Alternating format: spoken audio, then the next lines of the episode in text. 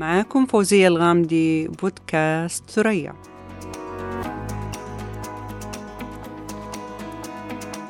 السلام عليكم ورحمة الله وبركاته. أسعد الله صباحكم ومساءكم بكل خير أينما كنتم.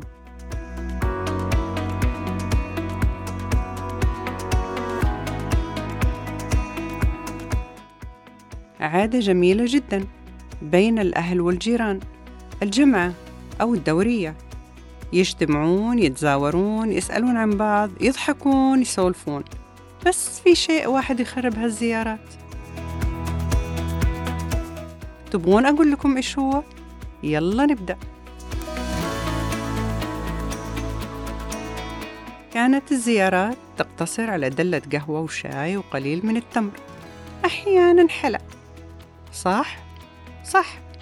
مع الوقت أصبح مع التمر حلا وكيك وفي كل مرة تزيد الأطباق حتى أصبح أهل البيت الذي تقام به الزيارة يتكلفون فوق طاقتهم.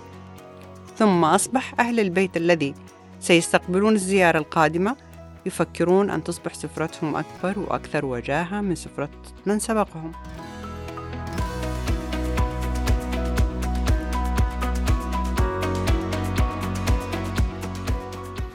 عندما يحضر الضيوف الإخوان الأخوات الجيران الجارات لا يأكلون إلا القليل وكلا يتحجج أنه يخفف ويعمل رجيم أصبح البعض لا يحضر حتى لا يستقبل أحد في المرة القادمة.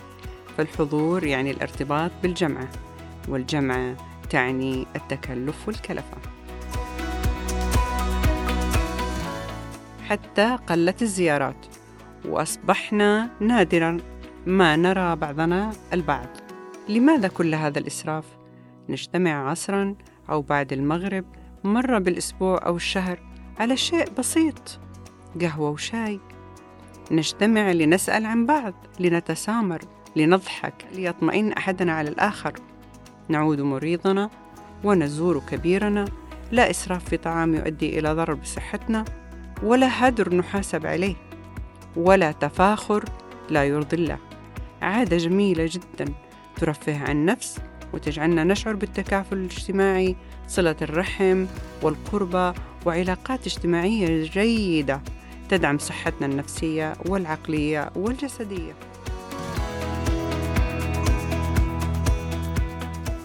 أرجو أن أكون أوضحت فكرتي.